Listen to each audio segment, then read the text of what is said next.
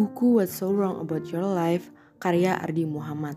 Buku tentang self-improvement yang menjelaskan pembelajaran dalam hidup mengenai hal-hal yang lazim kita alami dan bagaimana cara memandangnya.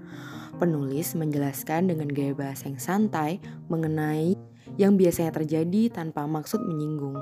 Buku ini mengkaitkan kejadian dunia dengan pendekatan religius bermaksud untuk mengkoneksikan penyelesaian hidup dengan Tuhannya.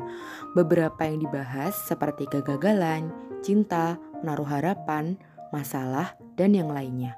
Salah satu kutipan dari buku ini yaitu kita harus tetap berusaha yang terbaik yang kita bisa, lalu terus berdoa dan bertawakallah kepada Allah, dan nikmati prosesnya.